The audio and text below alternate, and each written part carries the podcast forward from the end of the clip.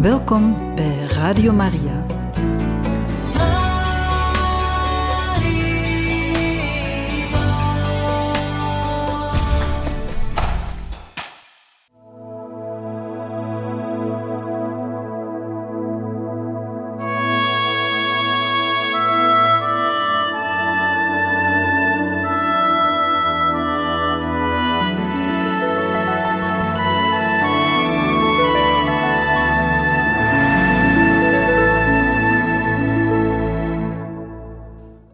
Harte welkom, beste luisteraars van Radio Maria, bij een nieuwe aflevering van het programma Heiligen Getuigen. Vandaag starten we in een nieuw boek, een nieuw leven van een bijzonder iemand die op een even bijzondere wijze Jezus is nagevolgd in haar leven. Ook deze keer gaan we opnieuw in het leven van een grote vrouw meestappen. En die grote vrouw is door velen van ons wel min of meer gekend. Het gaat over Moeder Teresa. We lezen voor uit het boek Moeder Teresa Leven en Werk van Robert Houthaven. En het eerste deel draagt de titel De heldhaftige jaren en begint met een citaat van Moeder Teresa. Enige tijd geleden nam ik een man op van de straat, bedekt met vuil en wormen. Hij werd levend opgegeten. Het enige deel van zijn lichaam dat ongeschonden was, was zijn gelaat. Het krioelde van wormen op zijn lichaam en ik nam hem mee naar ons huis. En toen zei hij: Ik heb op straat geleefd als een dier. Ik ga sterven als een engel, bemind en verzorgd. We hadden drie uur nodig om hem te reinigen, om alles van zijn lichaam te verwijderen, en toen zei hij: Zuster, ik ga naar huis, naar God. En hij stierf. Hij ging waarlijk naar huis bij God met zo'n mooie glimlach op zijn gelaat. Ik heb nooit een glimlach als deze gezien. Daar was die man die geleefd had als een dier in de straten, levend opgegeten door wormen, maar toch had hij moed. En hij was hoopvol. Er was vrede en vreugde op zijn gelaat, omdat iemand hem beminde, iemand hem graag zag iemand hem bijstond om in vrede met God te sterven. Door mijn bloed ben ik Albanese, door mijn nationaliteit Indische, door mijn geloof ben ik een katholieke religieuze. Wat mijn hart aangaat, behoor ik volkomen aan Jezus hart. Klein van gestalte met een rotsvast geloof kreeg moeder Teresa de zending toevertrouwd om de oneindige dorst van Gods liefde naar de mensheid te verkondigen, in het bijzonder aan de armsten onder de armen. Ze was een ziel vervuld van Gods licht, brandend van liefde voor Hem en brandend van slechts één verlangen, zijn dorst naar liefde en naar zielen te stillen. Deze lichtende boodschapster van Gods liefde werd geboren te Skopje op 26 augustus 1910. Skopje, gelegen in de Balkan, een gebied met een heel bewogen geschiedenis, was toen een kleine stad met ongeveer 25.000 inwoners, gelegen in Albanië, zelf een deel van het Ottomaanse Rijk. Bij haar geboorte was Albanië inderdaad nog onder Turkse heerschappij en was de opperste leider van het land de sultan van Constantinopel, Mohammed Reshad V. Dat was de situatie voor de Balkanlanden sedert de 14e eeuw, en dat bleef zo tot voor de Eerste Wereldoorlog. De meerderheid van de bevolking van Skopje was moslim. Er waren ook Joden en orthodoxe christenen en, er was slechts een kleine minderheid katholieken, maar het betrof een stevige geestelijke kern. Skopje is de hoofdstad van Macedonië. Om de vlakte van Macedonië werd in de loop van de geschiedenis regelmatig gevochten. Thans behoort een deel van Macedonië tot Griekenland. Een ander deel, een van de zes republieken van het voormalige Joegoslavië, met Skopje als hoofdstad, verklaarde zich in 1991 onafhankelijk. Moeder Teresa was het jongste kind van Nicola Bayaxu en Drana Bernay en werd de dag na haar geboorte gedoopt in de parochiekerk van het Heilig Hart van Jezus. Het meisje kreeg van haar ouders de voornaam Agnes en Gongsa. Agnes de Reine is de naam van een twaalfjarige martelares te Rome. Gongsa is het Albanees voor bloemknop. Het meisje werd in de familie veel eer Gongsa genoemd, daar het een mollig kind met blozend gelaat was. De twee andere kinderen in het gezin Poyaxu Bernai waren Aga, Agatha, de oudste dochter, geboren in 1905, en Lazar van Lazarus, geboren in 1907. De familie Boyaxu was een grote familie van handelslui. De zaken strekten zich uit tot in Misr, Egypte. Sommigen zijn er gebleven, terwijl anderen naar Skadar, Skodra zijn gekomen. Een minderheid is te Prizren gebleven of vestigde zich op verschillende plaatsen, onder meer te Skopje. De familie van moeder Teresa kwam zeker van Prizren. De precieze reden waarom die grote familie zich verplaatst en verspreid heeft, is niet bekend. De ene beweren dat het door de handelsactiviteiten kwam, waardoor ze naar grote steden trokken. Anderen zeggen dat het kwam door de cholera, waardoor de bevolking van Prizren in de periode 1850-1855 uitgedund werd, of door de Turkse vervolgingen, vooral die in de oude stad van Prizren. Boyaxu komt volgens sommigen van het woord boyaxi, verver, hij die huizen schildert. Anderen beweren dat deze familienaam verwijst naar krijgers en soldaten die geverfd waren door het bloed dat vergoten werd. Nog anderen benadrukken dat het om een familie gaat die handel dreef en verven verkocht. Al die versies zijn gedeeltelijk waar en vullen elkaar aan. De Boyaxus zijn een van oudsher traditionele families van handelslui. Grootvader Lazar Boyaxu en grootmoeder Cecilia waren handelslieden, waren zeer rijk en hadden veel werknemers in dienst. Ze waren bekend voor hun borduurwerk. De Boyaxius waren sedert eeuwen katholiek en trouw aan de leuze Fiat, geloof en vaderland.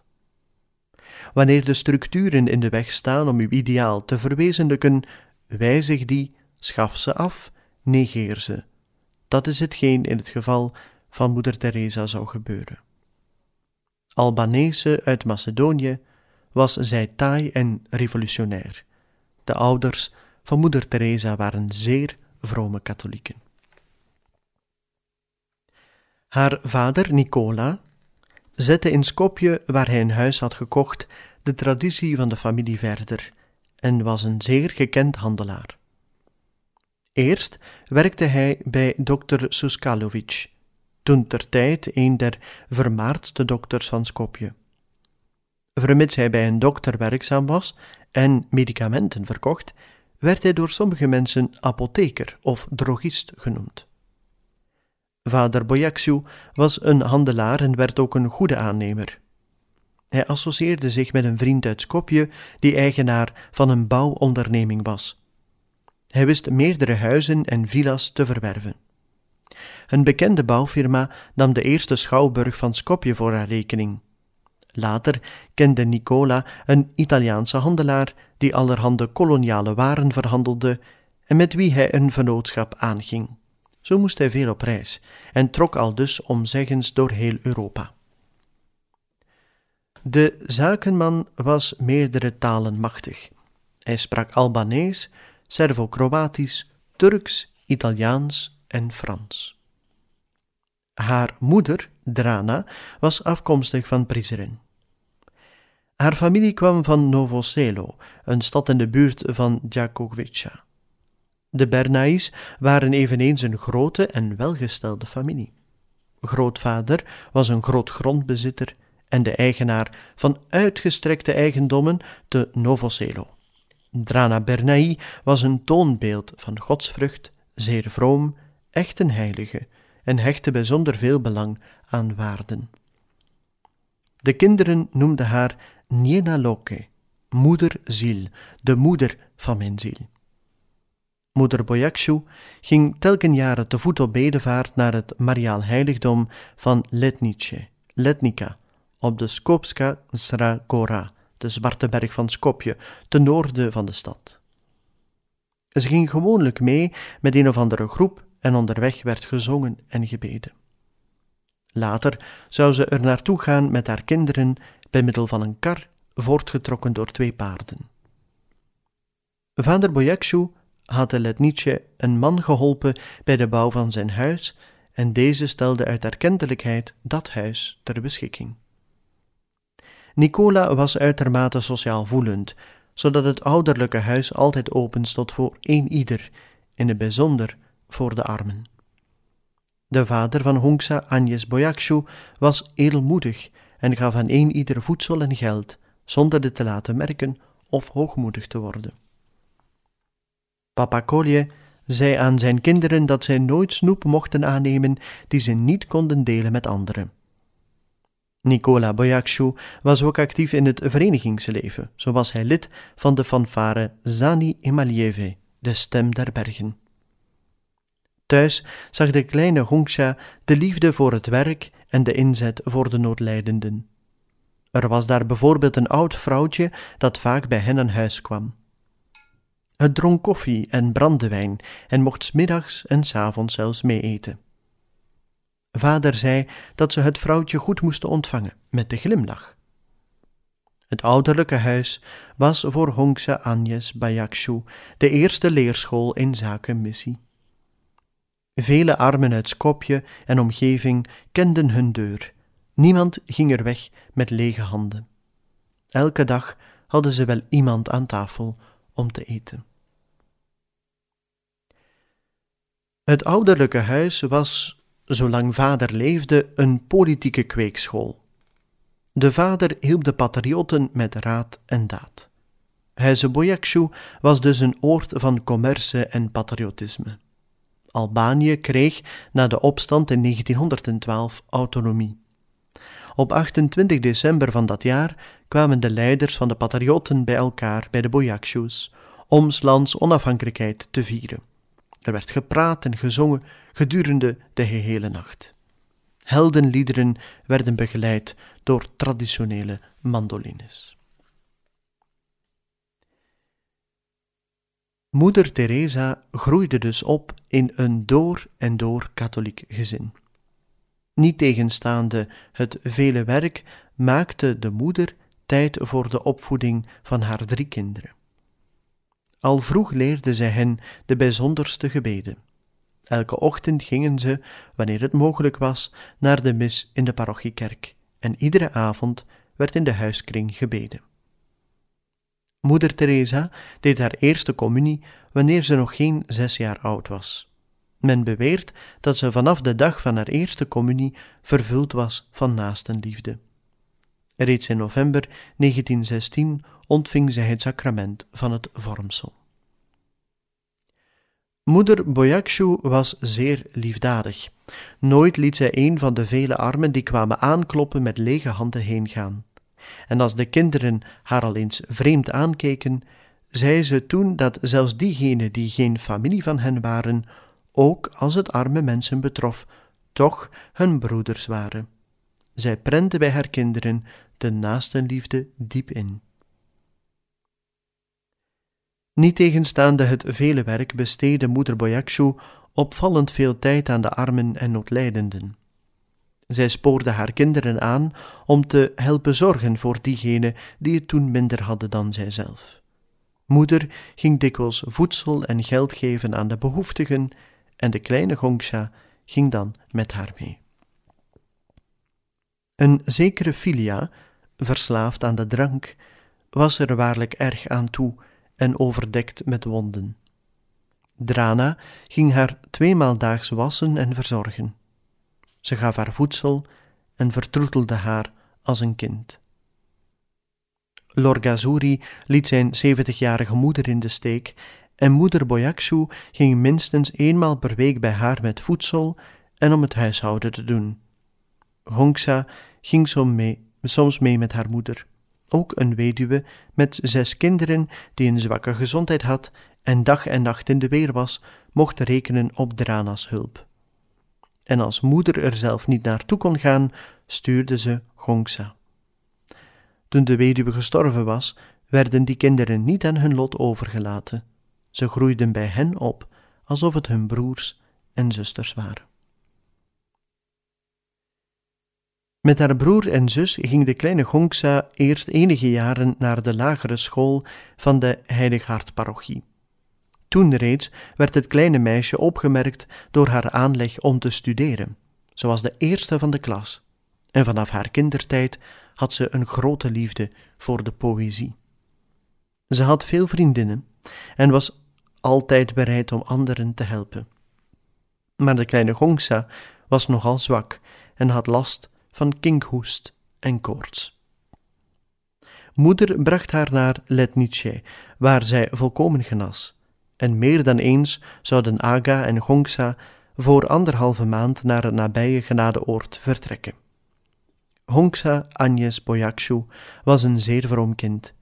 Ze zat graag in de kerk, vooral als er niemand anders was, buiten de Heer natuurlijk. Ze bad graag in eenzaamheid. Lazar Boyakshu vertelde later eens dat zijn jongste zus in alles heel zindelijk en altijd hulpvaardig was. Hij zelf had als kind een bijzonder zwak voor confituur en dessertjes en bracht s'nachts alleen zijn bezoek aan de keuken.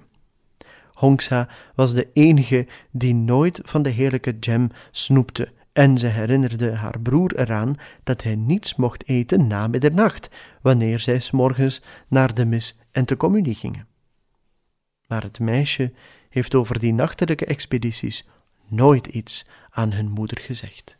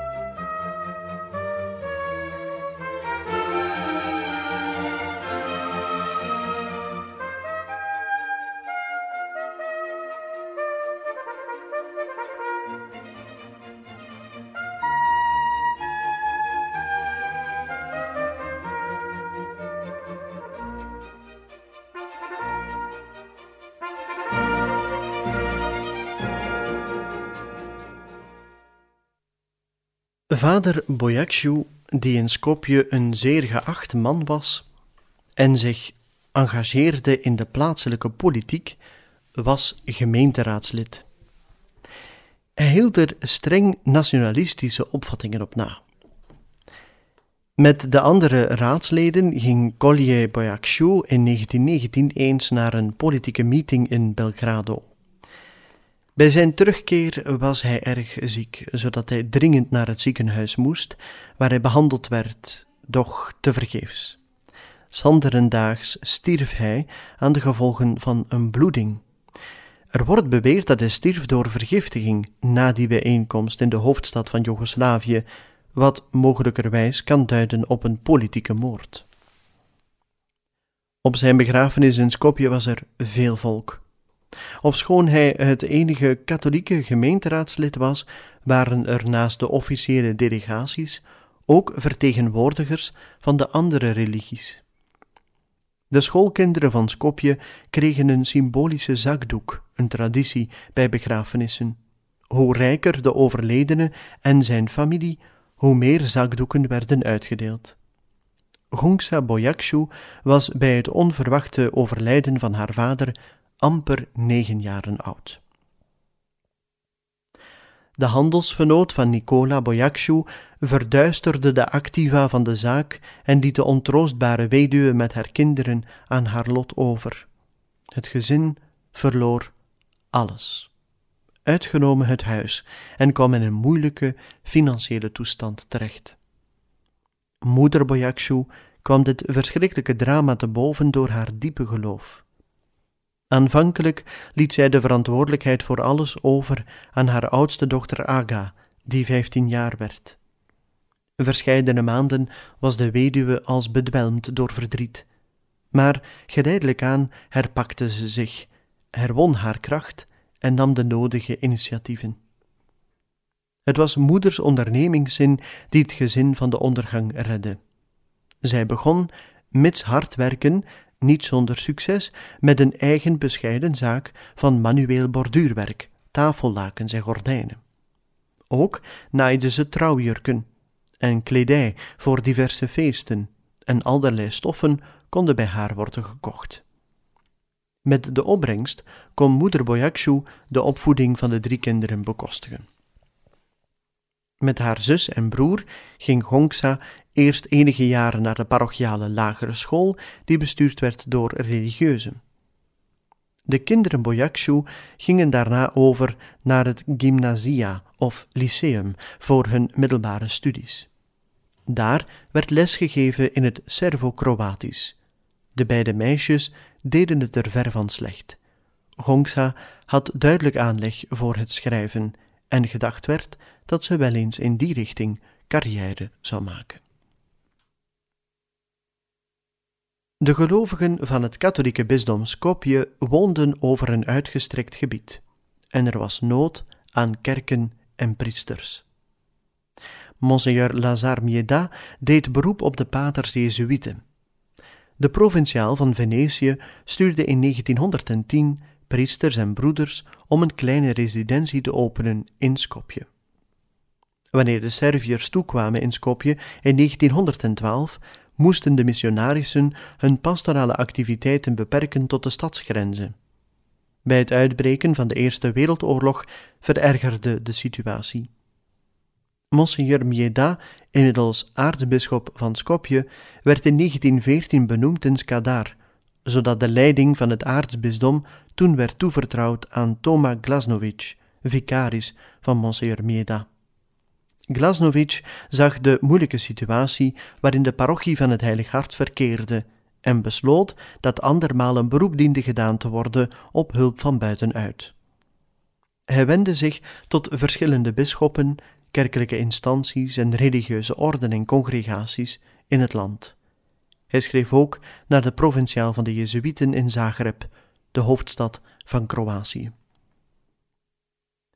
Aldus arriveerde pater Gasper Zadrima, een Albanees, in 1921 te Skopje. Hij sprak ook Servo-Kroatisch, was een streng en gedisciplineerd Jezuïet, maar ook een harde werker. Tijdens godsdienstige activiteiten had hij gewoonlijk een stok bij zich, zodat Lazar Boyakshu nogal wat schrik had van die pater, vanwege die stok. Gongsa, die de indruk had dat haar broer niet veel moest hebben van Zadrima, wees er hem op dat het zijn plicht was om de pater te respecteren, vermits hij een priester van Jezus Christus was. Vervolgens kwam pater Stepan Sepetic op de heilige hartparochie toe, om Zadrima bij te staan. Als goede organisator ontfermde hij zich over de kinderen en jongeren. Jammer genoeg kon hij niet goed Albanees spreken, zodat Hongsa Boyakshu dikwijls optrad als zijn tolk, vooral tijdens de catechismuslessen. Hongsa wou toen al graag lerares worden. Gedurende haar kinderjaren en jeugd, vooral na de dood van vader, vormde het gezin een hecht groepje. Ze leefden voor elkaar en deden hun best om elkaar gelukkig te maken. Hongsa Agnes Boyakshu behoorde inderdaad tot een zeer gelukkig gezin. Moeder en dochters brachten vele uren door in de nabije parochiekerk. De goddelijke diensten en de catechismuslessen werden trouw bijgewoond. De beide meisjes waren lid van het parochiaal koor, Aga als tweede stem, Gongsa als sopraan. En samen zongen de gezusters Boyakshu zo schitterend dat men het op de parochie had over de twee nachtegalen van de kerk. Gongsa was bijna altijd als eerste aanwezig op de repetities. Dirigent Antoni Lorenz, muzikus en componist, leerde haar mandoline spelen. Ze leerde rap iets aan en was actief betrokken bij de culturele en sociale activiteiten op de parochie, georganiseerd door de jongeren onder leiding van Lorenz, met voordracht, zang, muziek en toneel. Moeder Boyakshu en haar twee dochters waren, na vaders heengaan, onvermoeibaar als het ging om het lanceren en organiseren van parochiale activiteiten. Men had soms de indruk, zei Lazar Boyakshu eens, dat zij meer in de kerk dan thuis woonden. Ze waren zeer vroom en zetten er zich graag voor in. De godsdienstige gezangen met het koor, de liturgische diensten en de verhalen over de missionering vormden hun kleine wereld. Moeder en dochters waren vurige vereerders van Maria. Naast het rozenkransgebed in de huiskring ging men, als het vakantie was, in gezinsverband op bedevaart naar het nabijgelegen bedevaartsoord van Onze Lieve Vrouw van Litnice.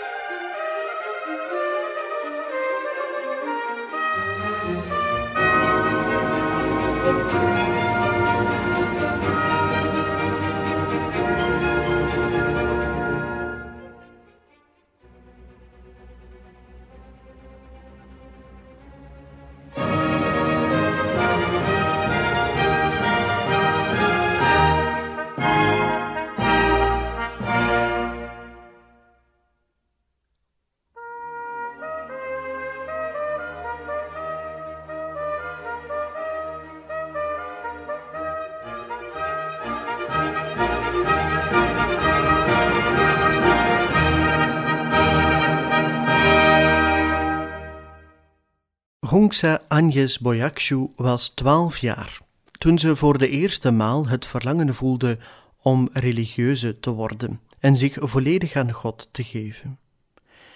Precies op dat ogenblik besefte ze voor het eerst dat ze een roeping van dienstbaarheid aan de armen had.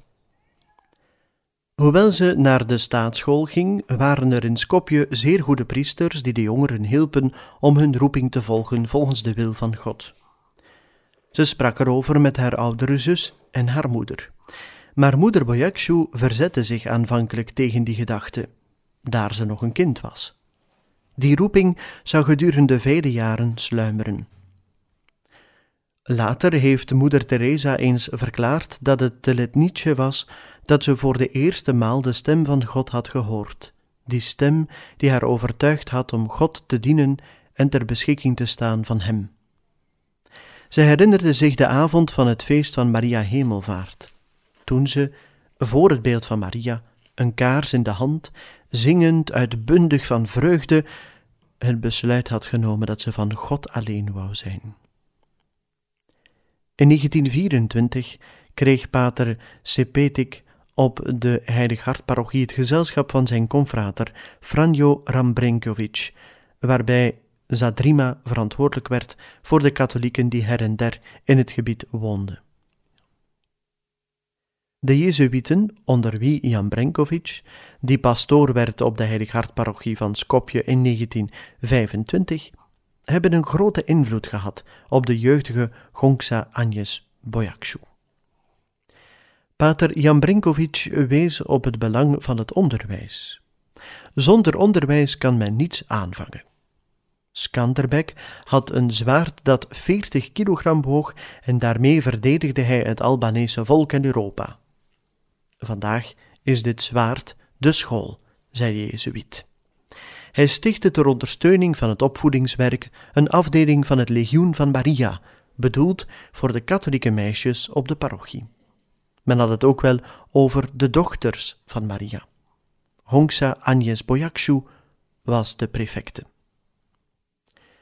Het Legioen van Maria werd in 1921 gesticht in Dublin. De eigenlijke benaming werd aangenomen in 1925 en sindsdien begon ook de verspreiding buiten Ierland over al de werelddelen en deed het vooral in de missielanden van Afrika en Azië vruchtbaar werk. Het Legioen van Maria is een georganiseerde vorm van lekenapostolaat, dat zich onder de bescherming van Maria en onder leiding van de plaatselijke geestelijke overheid toelegt op die taken welke de kerkelijke overheid geschikt en voor het welzijn van de kerk nuttig vindt.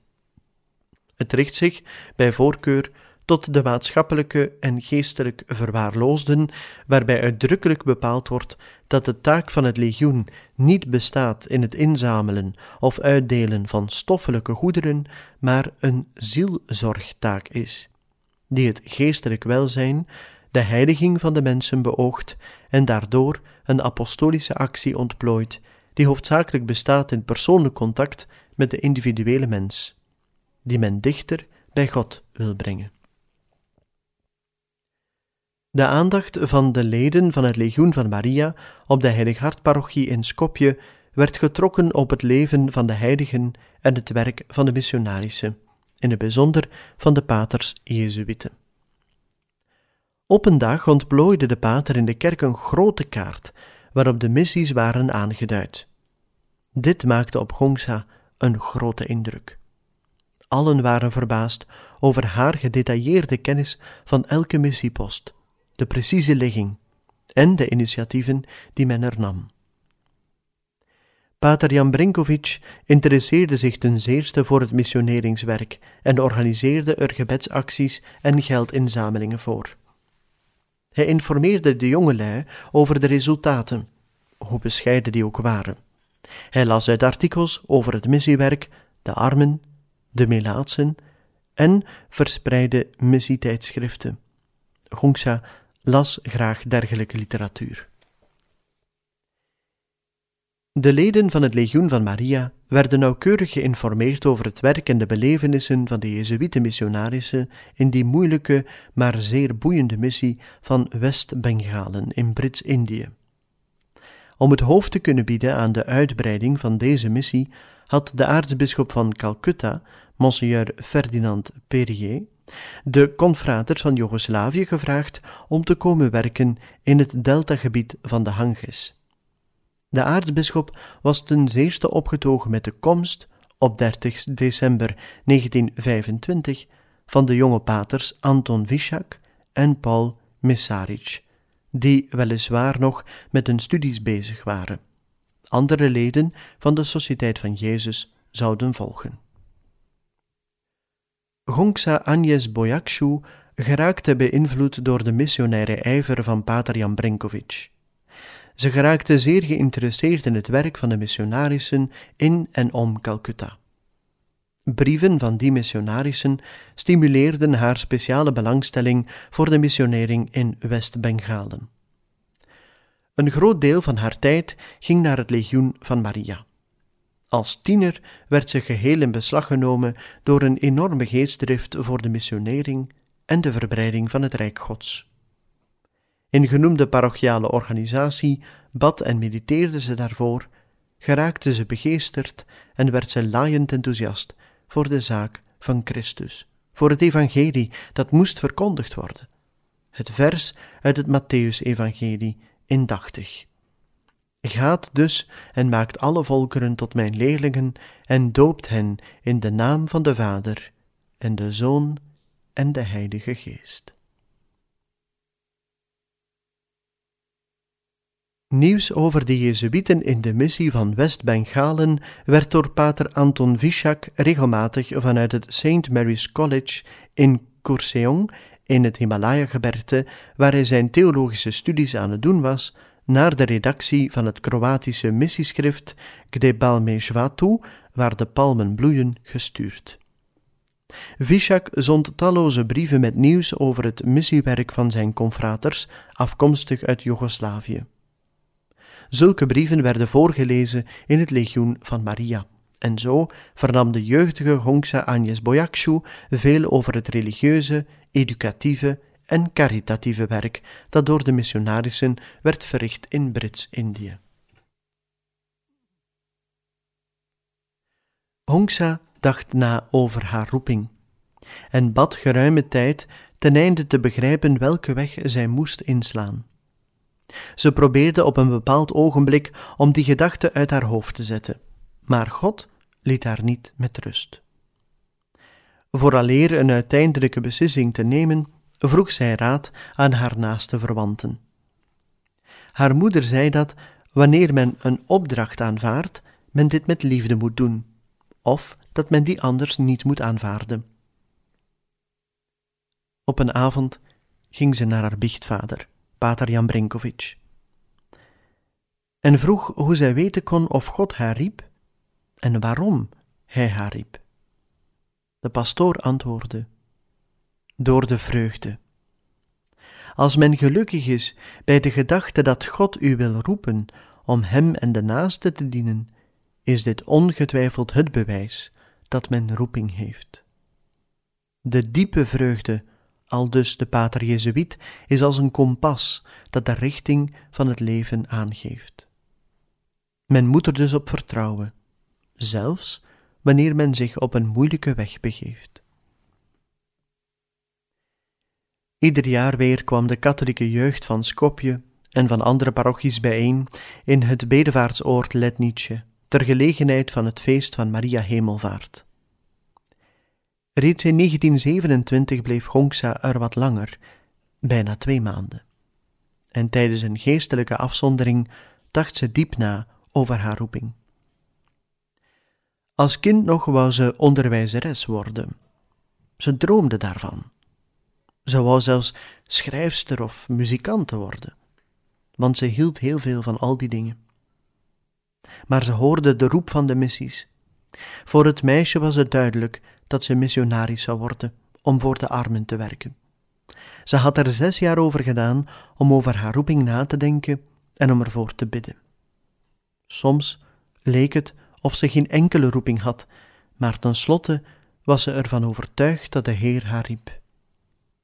De moeder Gods van Letnice had haar veel geholpen, zei ze. Moeder Boyakshu wist dat wanneer haar jongste dochter naar de missie zou gaan, zij haar nooit meer zou terugzien, want ook missiezusters kwamen in die tijd niet meer naar huis om hun familieleden te bezoeken.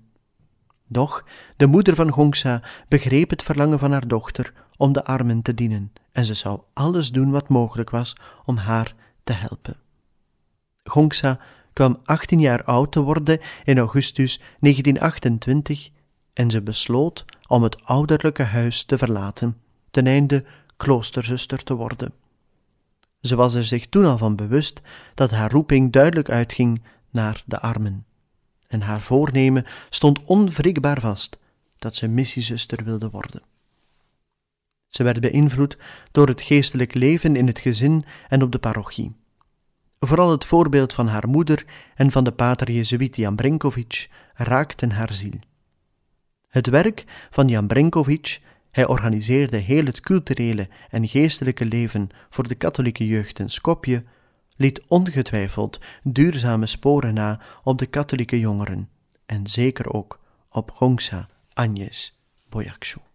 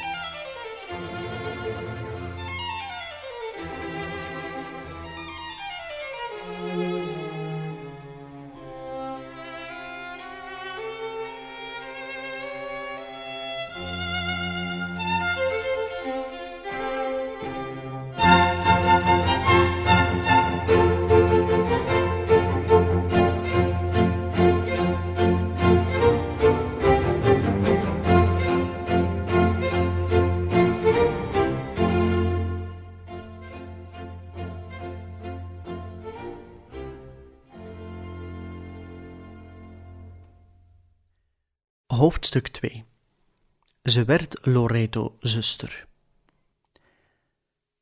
Aan pater Jan Brinkovic had Honksa Agnes Boyakshu inmiddels inlichtingen gevraagd over vrouwelijke congregaties die missiewerk verrichten, en meer bepaald in de streek van Brits-Indië, waar Jezuïeten uit Joegoslavië en meer bepaald sinds enige jaren actief waren. Jan Brinkovic liet daar weten dat de Loreto-zusters er al vele jaren actief waren met missiewerk. Het was de Ierse tak van het instituut van de gezegende Maagd Maria, die aanwezig was in West-Bengalen. Deze vrouwelijke congregatie werd in 1609 opgericht te Saint-Omer in Frankrijk door Mary Ward, een Ierse non ter ondersteuning van de verbreiding van het katholieke geloof. Het voornaamste werk van deze zustercongregatie was de opvoeding van meisjes om hun geloof te vrijwaren en te versterken tegen de aanvallen van de Reformatie. In 1821 werden deze Loreto-zusters, ook wel Ierse dames genoemd, door Monsignor Murray uitgenodigd naar Dublin. Op 4 november 1822 nam moeder Theresa Ball bezit van het huis in Rathfarnham, niet ver van Dublin, waar de Ierse tak van het instituut van de gezegende Maagd Maria gesticht werd.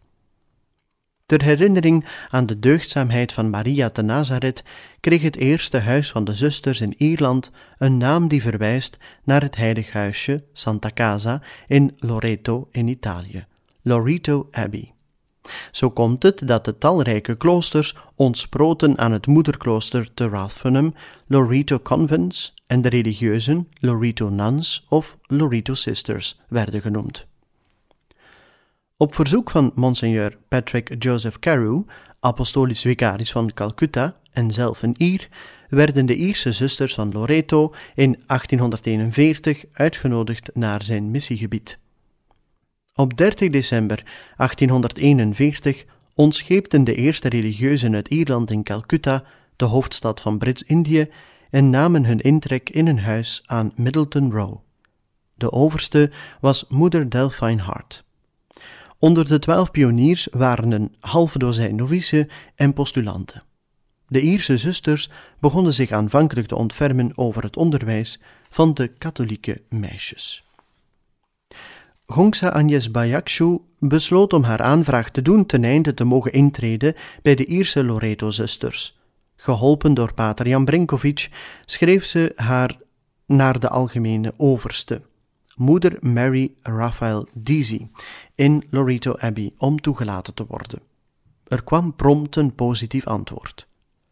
Op 15 augustus 1928 ging ze op bedevaart naar Letnice om Maria's zegen af te smeken vooraleer naar Ierland af te reizen om erin te treden bij de zusters van Loreto.